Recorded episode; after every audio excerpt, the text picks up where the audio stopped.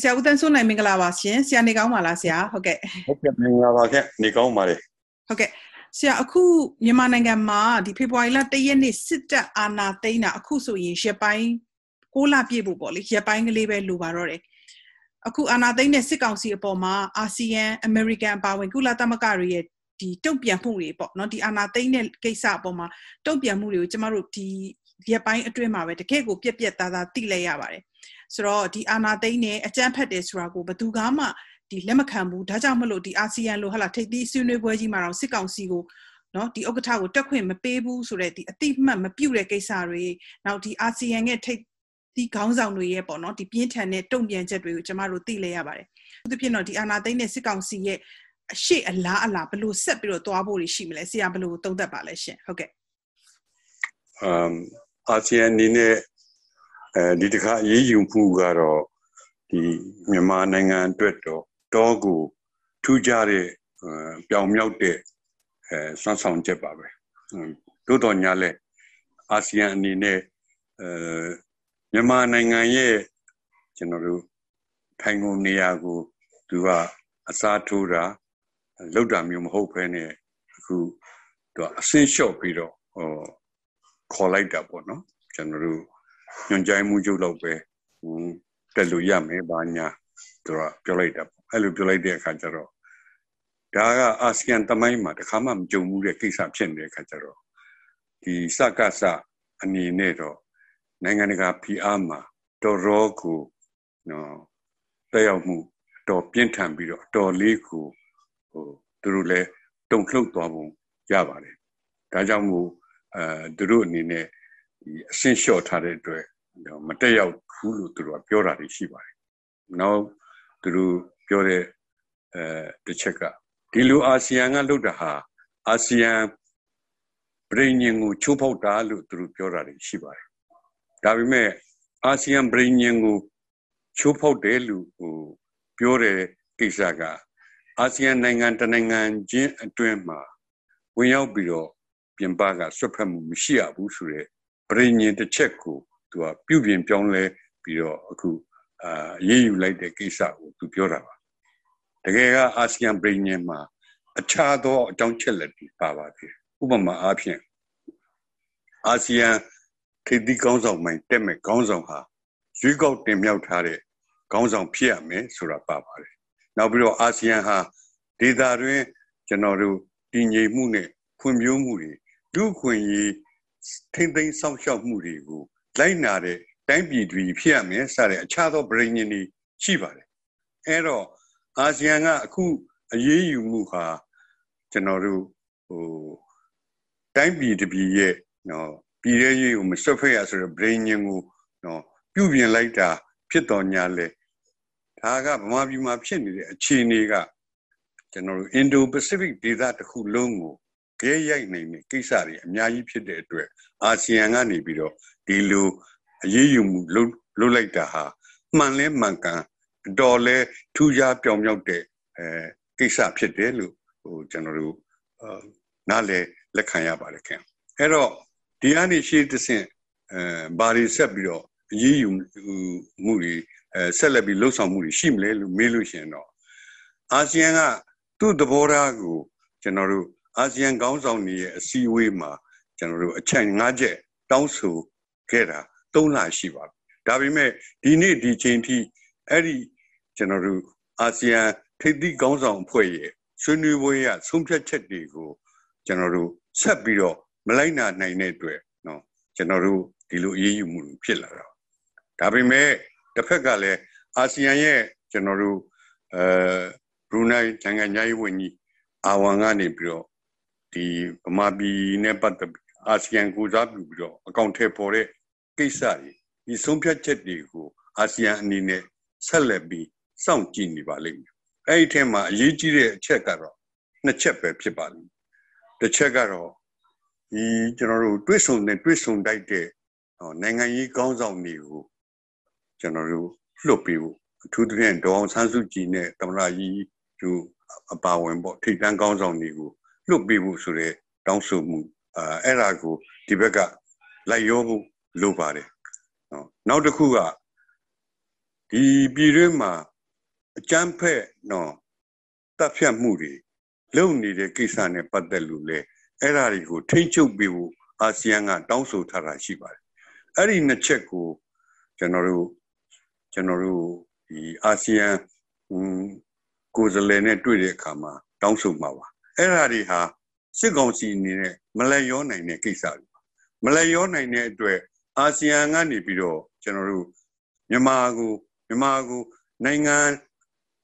နိုင်ငံတနိုင်ငံအနေနဲ့ကျွန်တော်တို့နေရာဆက်ပေးမှုတွေကတော့အာဆီယံကတော့ဆက်လုပ်သွားမှာပါအာဆီယံကနေပြီးတော့မြန်မာနိုင်ငံကိုထုတ်ပစ်တဲ့အလုပ်တော့လုံးမှာမဟုတ်ပါဘူးသို့တော်ညာလဲတစ်ဖက်ကစဉ်းစားစရာကစစ်ကောင်စီကအဲ့လိုတာဝန်ယူမလုပ်နိုင်လို့ရှိရင်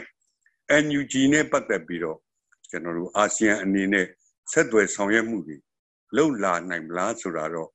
ကျွန်တော်တို့စောင့်ကြည့်ရမှာဖြစ်ပါတယ်သို့တော့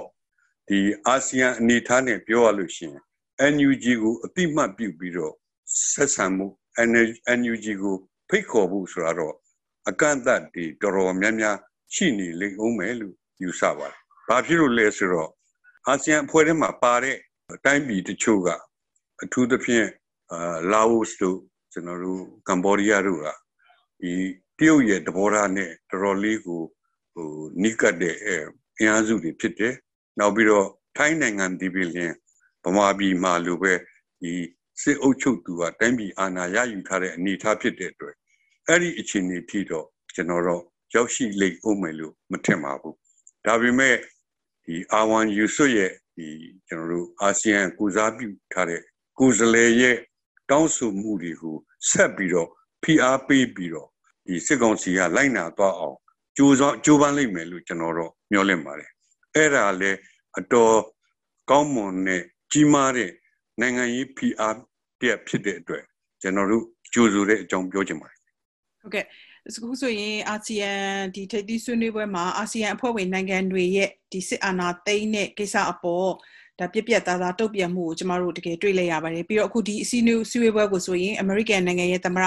ဂျိုးဘိုင်ဒန်လက်တက်နေတယ်ဒီနှစ်ရက်သူတက်သွားတဲ့အစည်းအဝေးထဲမှာကိုပဲသူကမြန်မာနိုင်ငံမှာဒီလိုမျိုးအကြမ်းဖက်တာတွေဟဲ့လားဒီနောက်ပြီးဖန်စီထိန်းသိမ်းထားတဲ့လူတွေကိုပြန်လွှတ်ဖို့ဒီမိုကရေစီလမ်းကြောင်းပေါ်ကိုပြန်ပြီးတော့ရောက်ဖို့ဆိုပြီးတော့တောင်းဆိုသွားတာလည်းရှိပါတယ်အဲ့တော့အခြေအနေအားလုံးကိုကြည့်ရမယ်ဆိုရင်တန်တမန်ရေးအရာ ဟာမြန်မာနိုင်ငံဟာအောင်မြင်နေတယ်ဆိုပေမဲ့တကယ်တော့ဒီ American အပါဝင်အာဆီယံအပါဝင်ကုလသမဂ္ဂအဖွဲ့အစည်းတွေအပါဝင်တောင်းဆိုနေတဲ့ဒီပြည်ပြင်ပြောင်းလဲရေး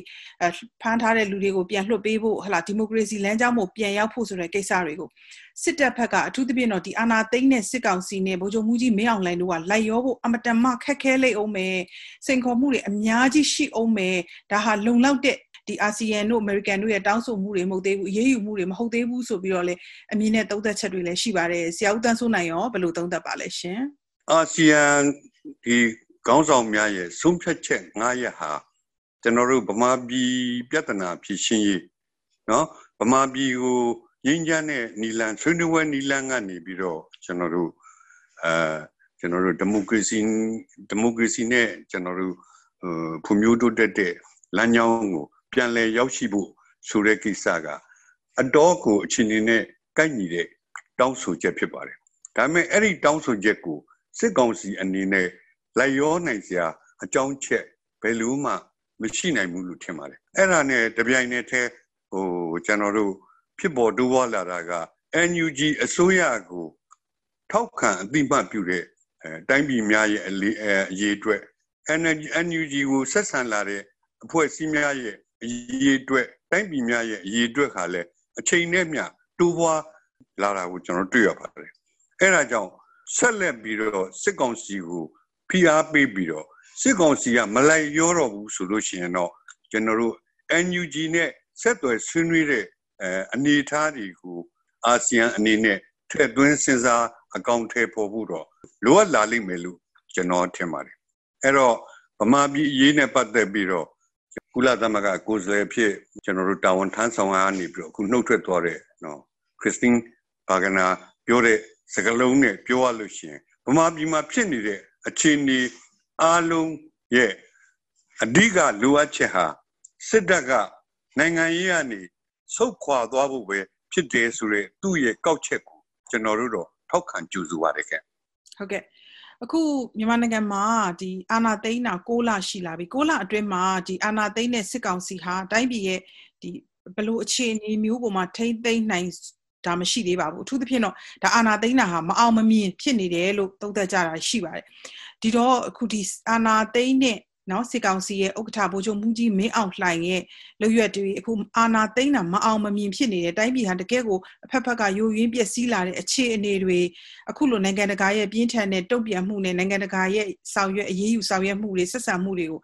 ဒီအတိုင်းကြံတဲ့ဗိုလ်ချုပ်မှုကြီးဟောင်းတွေကြံတဲ့စစ်တပ်ထိပ်ပိုင်းခေါင်းဆောင်တွေကဒီအတိုင်းပဲဆက်ပြီးသွားနေမလားဒီအတိုင်းပဲဆက်ပြီးတော့ကြည်နေမလားတက်တွင်းမှာရောဒီလိုမအောင်မမြင်ဖြစ်လာတဲ့ဟလာနိုင်ငံတကာကလက်မခံမင်းနဲ့ဒီ ခုနလိုမျိုးအဆင့်နှိမ်ပြီးတော့ဆက်ဆံလာတာမျိုးတွေကိုရောသူတို့ဒီအတိုင်းဆက်ပြီးတော့သွားနိုင်ပါသလားတက်အတွင်းမှာရောဘလို့တွေဖြစ်လာနိုင်ပါသလဲဆရာဘလို့သုံးသပ်ပါလဲရှင်ဟုတ်ကဲ့အဲ့ဒါနဲ့ပတ်သက်လို့ကတော့ကျွန်တော်တို့ပြီးခဲ့တဲ့3လလောက်ကကျွန်တော်တို့အဲဗိုလ်ချုပ်ဟောင်းတူအမည်မဖော်ဘဲနဲ့ဖော်ပြတဲ့ပေးစာတွေအချက်လက်တွေကိုကျွန်တော်သတိရပါတယ်နော်အဲ့ဒါကတော့လက်ရှိတိုင်းပြည်မှာလက်နက်မဲ့ဆန္ဒပြနေတဲ့ပြည်သူတွေကိုတပ်ဖြတ်နေတယ် အဲ့ဒီကနေပြီးတော့အခုကျွန်တော်တို့ဟိုတီးလက်တွေထိနော်စစ်စင်ရေးတွေလုပ်နော်တပ်ဖြတ်မှုတွေလုပ်လူရဲမှုတွေလုပ်နေတဲ့အနေထားဖြစ်နေတဲ့အောက်မှာတိုင်းပြည်ဟာနိုင်ငံရေးအရာရောစီးပွားရေးအရာရောလူမှုရေးအရာရောဘက်စုံကထိမ့်သိမ့်မရအောင်ပြိုကွဲနေတဲ့အခြေအနေအောက်အောက်မှာတော့မင်းအောင်လိုင်းအကောင်းဆုံးကတော့တက်ကနေပြီးတော့မင်းထွက်ခွာပေးရင်အကောင်းဆုံးပဲလို့ဖော်ပြထားပါတယ်အဲ့ဒါဟာ အရင်တုန်းကရှိနေခဲ့တဲ့ကျွန်တော်တို့တိုင်းပြည်ကိုတာဝန်ယူခဲ့တဲ့ဗိုလ်ချုပ်ကြီးဟောင်းနေဗိုလ်ချုပ်မှုကြီးဟောင်းနေအားလုံးရဲ့အကျိုးစီးပွားနဲ့ဆက်ဆက်နေတဲ့အတွက်သူတို့ကိုယ်တိုင်လည်းအဲ့လိုစိတ်ဆန္ဒပြင်းပြပါတယ်ဒါပေမဲ့စစ်တပ်ဆိုတာအာဏာရထားတဲ့လူအာဏာကင်ထားတဲ့လူကအဆုံးဖြတ်ဖြစ်နေတဲ့အခါကျတော့ဘယ်လိုမှသူတို့တောင်းဆိုမှုဟာလက်တွေ့အကောင့်ထဲပေါ်တဲ့အနေအထားဖြစ်မလာပါ အဲ့ဒီအဲ့ဒီကြရဲ့ဟာဒီတမှုဟောင်းနေပြောတဲ့အဲကြရဲ့ဟာစစ်တပ်ကိုလည်းကြရဲ့ရိုက်ပါလိမ့်မယ်ဒါကြောင့်မို့ကျွန်တော်တို့တမိုင်းမှာတမတော်ရဲ့တမိုင်းမှာတခါမှမရှိဘူးတဲ့ကျွန်တော်တို့ CDM ကိုကူးပြောင်းလာတဲ့ဟောတမှုတသားတွေရဲ့အရေးအတွက်ကလည်းအခုကထောင်ချီပြီးတော့ရှိနေပါတယ်မကြခင်တောင်းချီရှိလိမ့်မယ်လို့ထင်ပါတယ်ဖြစ်နိုင်စရာနော်လမ်းကြောင်းနှစ်ခုတော့ရှိပါတယ်တခုကတော့ သူတို့စစ်ကောင်စီအချင်းချင်းအတွင်းမှာဒီအပြန်လန်အာဏာသိမ်းပွဲတွေဖြစ်လာမလားဒါတခုပေါ့နောက်တစ်ခုကတော့ CDM ကိုကူးပြောင်းလာတဲ့အသွင်ကူးပြောင်းလာတဲ့တိုက်ဟာအခုကနေတောင်းကနန်းကနေကျွန်တော်တို့သိန်းကနန်းထိရောက်လာပြီဆိုလို့ရှင်တော့ဒီစကားစခေါင်းဆောင်အဖွဲ့ရဲ့အနေထားကအာနာခွင်ကနေပြီးတော့ဆင်းပြရမယ့်အခြေအနေရောက်လာနိုင်ပါလေအဲ့ဒီလိုအခြေအနေဟာ ဆက်ပြီးတော့ရောက်လာလိမ့်မယ်လို့ကျွန်တော်တို့ကလည်းမျှော်လင့်နေတုန်းပါပဲဗျနောက်တစ်ခုကလေဒီနိုင်ငံမှာဒါနှစ်ပေါင်းကြာမြင့်စွာလောက်ထိကလျှက်စစ်ဓာတ်အားသုံးစွဲမှုအလုံးအလောက်မရှိဘူးလို့ပြောမှာပါဆရာအခုချိန်ထိတော့မီးတွေခဏခဏပြက်တယ်ဟလာမိုးရွာရင်မီးပြက်တယ်နှွေးဆိုရင်မရဘူးလျှက်စစ်သုံးလို့ဆိုပြီးတော့ဒါလောက်တောင်လျှက်စစ်ဓာတ်အားသုံးစွဲမှုနဲ့ပတ်သက်ပြီးအလုံးအလောက်မရှိတဲ့နိုင်ငံတစ်ခုမှာအခုဗိုလ်ချုပ်မူကြီးမင်းအောင်လှိုင်ကဟာလာလျှက်စစ်ကားတွေထုတ်မယ်လျှက်စစ်ရထားတွေထုတ်မယ်ဆိုပြီးတော့ ပြောဆိုတာနဲ့ပတ်သက်ပြီးလူတွေကတကယ်ကိုရည်စရာဟာတာအဖြစ်ပြောနေကြပါတယ်ဒါပေမဲ့တွေးနိုင်တာကဒါဟာလူထုကိုအာယုံပြောင်းနိုင်မှုပြောဆိုတာဖြစ်တယ်ဆိုတော့သုံးသက်ချက်တွေလည်းရှိပါတယ်ဆရာဒီလုပ်ငန်းတွေနဲ့အစီအစဉ်တွေနဲ့ဒီစစ်ကောင်စီပြောတာနဲ့ပတ်သက်ပြီးတော့ဆရာဘယ်လိုများသုံးသက်လို့ရမလဲရှင်ဟုတ်ကဲ့ဟုတ်ကဲ့အဲ့ဒီအပြောဆိုရင်နဲ့ပတ်သက်လို့စိတ်ပညာရှင်တွေကတော့ fantasy thinking ရိုးရိုး နားလည်မှုအနေနဲ့ပြောရလို့ရှင်တော့ယူအိမ်မက်ဒီလို့ပြောချင်တာပေါ့ဗျာနော်အဲ့တော့ဒီနေ့လိုတိုင်းပြည်မှာပြုံးပြုံးကြနေဘယ်သီးသီးကနေပြုံးပြုံးကြနေတဲ့အခြေအနေပေါ့နိုင်ငံရေးစီးပွားရေးဒါကတော့တောင်းစုံပေါ့ပြုံးပြုံးပြကြနေတဲ့အခြေအနေမှာဒီလိုလျှက်စစ်ယထာတွေမြေအောက်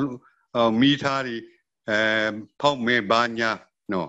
ဆိုပြီးတော့ပြောနေတာဟာတကယ်ကတော့အယူအိမ်မက်မက်နေတာဖြစ်တယ် ဒါပေမဲ့အဲ့ဒီစကလုံးနေနဲ့ပြည်သူလူထုကိုစီယုံလို့မရနိုင်ုံနဲ့မကသူ့တက်ထဲမှာရှိနေတဲ့တတ်မှုတတ်သားတွေကိုတောင်းစီယုံလို့ရနိုင်တဲ့အခြေအနေမရှိပါဘူးဒါပေမဲ့ဒီကိစ္စက မင်းအောင်လိုင်းဘာဖြစ်လို့ဒီကိစ္စဒီလိုပြောလာရတာလဲဆိုကျွန်တော်တို့လေ့လာကြည့်တဲ့အခါမှာ तू ကအချက်လက်မဲ့ပြောတာတော့မဟုတ်ပါဘူးအဲ့ဒါက तू က तू အာနာတီမြဲရေးအတွက်နော် သူ့အနေနဲ့တတ်တဲ့ပြည်သူလူထုကိုဖိနှိပ်ထားမယ်ပြီးလို့ရှိရင်တိုက်ပြည်ကိုရောင်းစားမယ်ဆိုတဲ့ဟိုအမြင်ပေါ့ဗျာအဲ့တော့အထူးသဖြင့်ကျွန်တော်တို့ရဲ့အိန္ဒိယနိုင်ငံတရုတ်နိုင်ငံကလည်းဗမာပြည်မှာ OBOR စီမံကိန်းကိုအကောင့်ထဲပေါ်ဖို့နော်အတွက်အစီအစဉ်တွေလုပ်နေတဲ့အချိန်မှာသူကအဲ့ဒီအိမ်မက်တွေပြောပြီးတော့တရုတ်ပြည်ကယင်းဒီမြုံနှံမှုတွေများထဝင်လာမလားလို့မျှော်လင့်နေပုံရပါတယ် အဲ့ဒီမျှော်လင့်ချက်နဲ့အဲ့ဒီစကားတွေကိုနော်ပြောနေတာဖြစ်တယ်အဲ့ဒါဟာအကြောင်းချက်မဲ့တော့မဟုတ်ဘူးအဲ့တော့ဒီလိုလုပ်ဖို့ဆိုလို့ရှိရင်ကျွန်တော်တော့ဒီနေ့ကာလဒီနေ့ဗမာပြည်ရဲ့အနေထားအရပြောလို့ရှိရင်တရုတ်ပြည်ကလည်းလက်ခံစဉ်းစားမယ်လို့မထင်ပါဘူး။ဘာဖြစ်လို့ဆိုတော့ဒီလှုပ်ရှားမှုအတွင်းမှာတရုတ်ပြည်သူအဲတရုတ်ပြည်ကနေပြောရင်းနှီးမြှုပ်နှံထားတဲ့လုပ်ငန်းအများပြားရဆိုင်တာတုတ်ထွက်သွားတာတွေအများကြီးရှိနေပါတယ်။အဲ့တော့ တိုင်းပြည်ရောင်းစားဖို့မင်းအောင်လှိုင်ရဲ့စူးစမ်းချက်ဟာအယူအိမ်မဲ့လို့နော်ကျွန်တော်တို့ဘာမှကျွန်တော်တို့မျှော်လင့်စရာမရှိပဲအဲလက်တွေ့အကောင့်ထဲပေါ်နိုင်မှလည်းမဟုတ်ဘူးနော်တကယ်လဲဟိုအတိတ်ပဲမဲ့တဲ့အဲလူတွေတယောနေတယ်လို့ပဲနော်တော်တော်ကိုဒါကတော်တော်ကိုအယူွက်နင်းနေတာဆိုတာကျွန်တော်တို့ပြည်သူလူထုကလည်းသိပါတယ်အလားတူတရုတ်ပြည်ကလည်းသိလိမ့်မယ်လို့ထင်ပါတယ်ဒါပေမဲ့အဲ့ဒါဟာ အလွန်ဖောက်ပြန်တဲ့တိုင်းပြည်ကိုအာနာသာသူဆက်သိမ့်ခွင့်ရမယ်ထိန်ထားခွင့်ရမယ်ဆိုလို့ရှိရင်တိုင်းပြည်တပြည်လုံးကိုရောင်းစားမယ်ဆိုတဲ့သူတို့စစ်ကောင်စီရဲ့စိတ်ကူးကိုဖော်ပြနေတာလို့ကျွန်တော်ကပြောချင်ပါတယ်ခင်ဗျဟုတ်ကဲ့ဆရာဦးသန်းစိုးနိုင်ရှင်အခုလိုမျိုးကျမတို့မြစ်စမသတင်းဌာနကိုအင်တာဗျူးပေးတဲ့အတွက်ဆရာကိုကျေးဇူးအများကြီးတင်ပါတယ်ရှင်ဟုတ်ကဲ့ဟုတ်ကဲ့ကျွန်တော်ကလည်းကျေးဇူးတင်ပါတယ်ခင်ဗျာ